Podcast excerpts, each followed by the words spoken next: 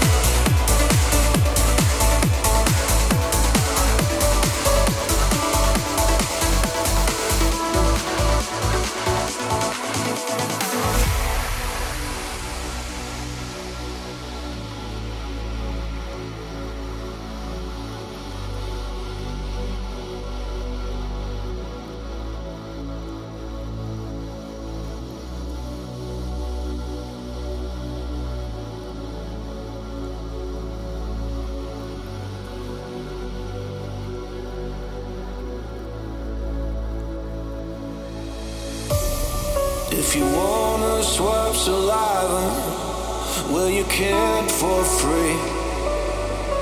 The line is still the line with me. I said, My mother, she gave birth under an old oak tree. As foretold in the prophecy. It turns out there's more to this story. I didn't want to have to